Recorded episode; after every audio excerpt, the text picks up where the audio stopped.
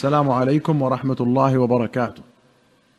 أخرج البخاري ومسلم عن أنس قال لما أراد رسول الله صلى الله عليه وسلم أن يكتب إلى الروم قالوا إنهم لا يقرؤون كتابا إلا مختوما فاتخذ خاتما من فضة فصه منه وكان فصه حبشيا وكان يجعل فصه مما يلي كفه ونقشه محمد رسول الله وكان ثلاثة أسطر محمد سطر ورسول سطر والله سطر. وقال إن اتخذنا خاتما ونقشنا فيه نقشا فلا ينقش عليه أحد. قال أنس فإني لارى بريقه في خنصره. وكان صلى الله عليه وسلم يتختم في يساره وفي يمينه. وفي رواية أنه رأى في يد رسول الله صلى الله عليه وسلم خاتما من ورق يوما واحدا.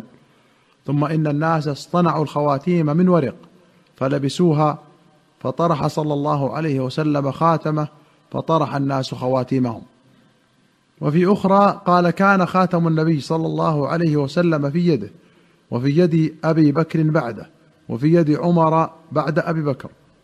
فلما كان عثمان جلس على بئر أريس فأخرج الخاتم فجعل يعبث به فسقط فاختلفنا ثلاثة أيام مع عثمان فننزح البئر فلم نجده قال النووي قوله كان فصه حبشيا قال العلماء يعني حجرا حبشيا. وقيل لونه حبشي أي أسود. وقال ابن بطال فيه أن من فعل الصالحين العبث بخواتيمهم وما يكون بأيديهم وليس ذلك بعائب لهم. وأريس بئر معروفة بالمدينة. قال ابن حجر هي معروفة إلى الآن كأنها نسبت إلى بانيها. وأخرج البخاري ومسلم عن عائشة قالت كان رسول الله صلى الله عليه وسلم يحب العسل والحلواء وكان إذا انصرف من العصر دخل على نسائه فيدنو من إحداهن فدخل على حفصة بنت عمر فاحتبس أكثر مما كان يحتبس فغرت.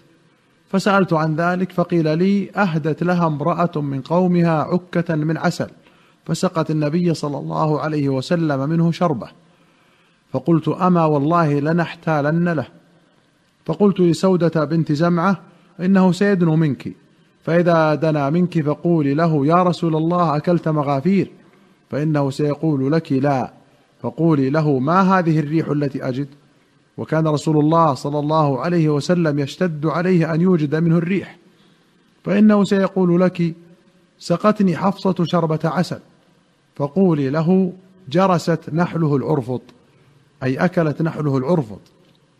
وهو شجر له ريح.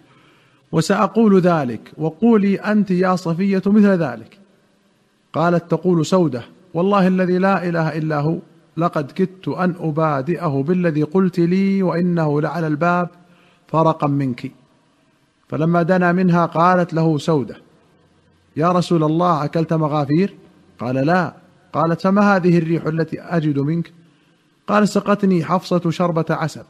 فقالت جرست نحله العرفط. فلما دار إلي قلت له نحو ذلك. فلما دار إلى صفية قالت له مثل ذلك. فلما دار إلى حفصة قالت يا رسول الله ألا أسقيك منه؟ قال لا حاجة لي فيه. قالت تقول سودة والله لقد حرمناه. قلت لها اسكتي. وفي رواية قالت كان رسول الله صلى الله عليه وسلم يمكث عند زينب بنت جحش فيشرب عندها عسلا. فتواصيت أنا وحفصة أن أيتنا دخل عليها رسول الله صلى الله عليه وسلم فلتقل إني أجد منك ريح مغافير. أكلت مغافير فدخل على إحداهما فقالت ذلك له فقال بل شربت عسلا عند زينب بنت جحش ولن أعود له. فنزلت يا أيها النبي لم تحرم ما أحل الله لك؟ تبتغي مرضاة أزواجك.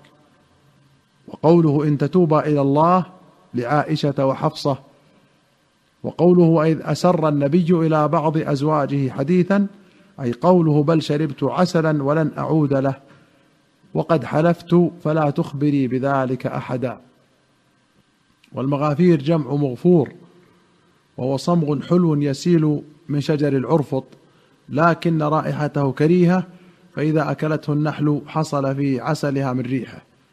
والعرفط شجر من العظاه وقيل هو الطلح والعظاه كل شجر يعظم وله شوك كالطلح والسلم والسدر. وأخرج البخاري ومسلم عن ابن عباس قال مكثت سنة أريد أن أسأل عمر بن الخطاب عن آية فما أستطيع أن أسأله هيبة له حتى خرج حاجا فخرجت معه. فلما رجعنا وكنا ببعض الطريق عدل إلى الاراك لحاجه له فوقفت له حتى فرغ ثم سرت معه. فقلت يا أمير المؤمنين من اللتان تظاهرتا على النبي صلى الله عليه وسلم من أزواجه؟ فقال تلك حفصة وعائشة. فقلت والله إن كنت لأريد أن أسألك عن هذا منذ سنة فما أستطيع هيبة لك. قال فلا تفعل. ما ظننت أن عندي من علم فسلني فإن كان لي به علم خبرتك به. فقال هما عائشة وحفصة ثم أخذ يسوق الحديث. قال كنا معشر قريش قوما نغلب النساء. فلما قدمنا المدينة وجدنا قوما تغلبهم نساؤهم فطفق نساؤنا يتعلمن من نسائهم.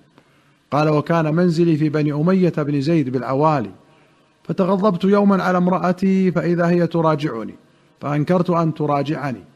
فقالت ما تنكر أن أراجعك فوالله إن أزواج النبي صلى الله عليه وسلم ليراجعنه وتهجره إحداهن اليوم إلى الليل فانطلقت فدخلت على حفصة. فقلت أتراجعين رسول الله صلى الله عليه وسلم؟ فقالت نعم. فقلت أتهجره إحداكن اليوم إلى الليل؟ قالت نعم. قلت قد خاب من فعل ذلك منكن وخسر.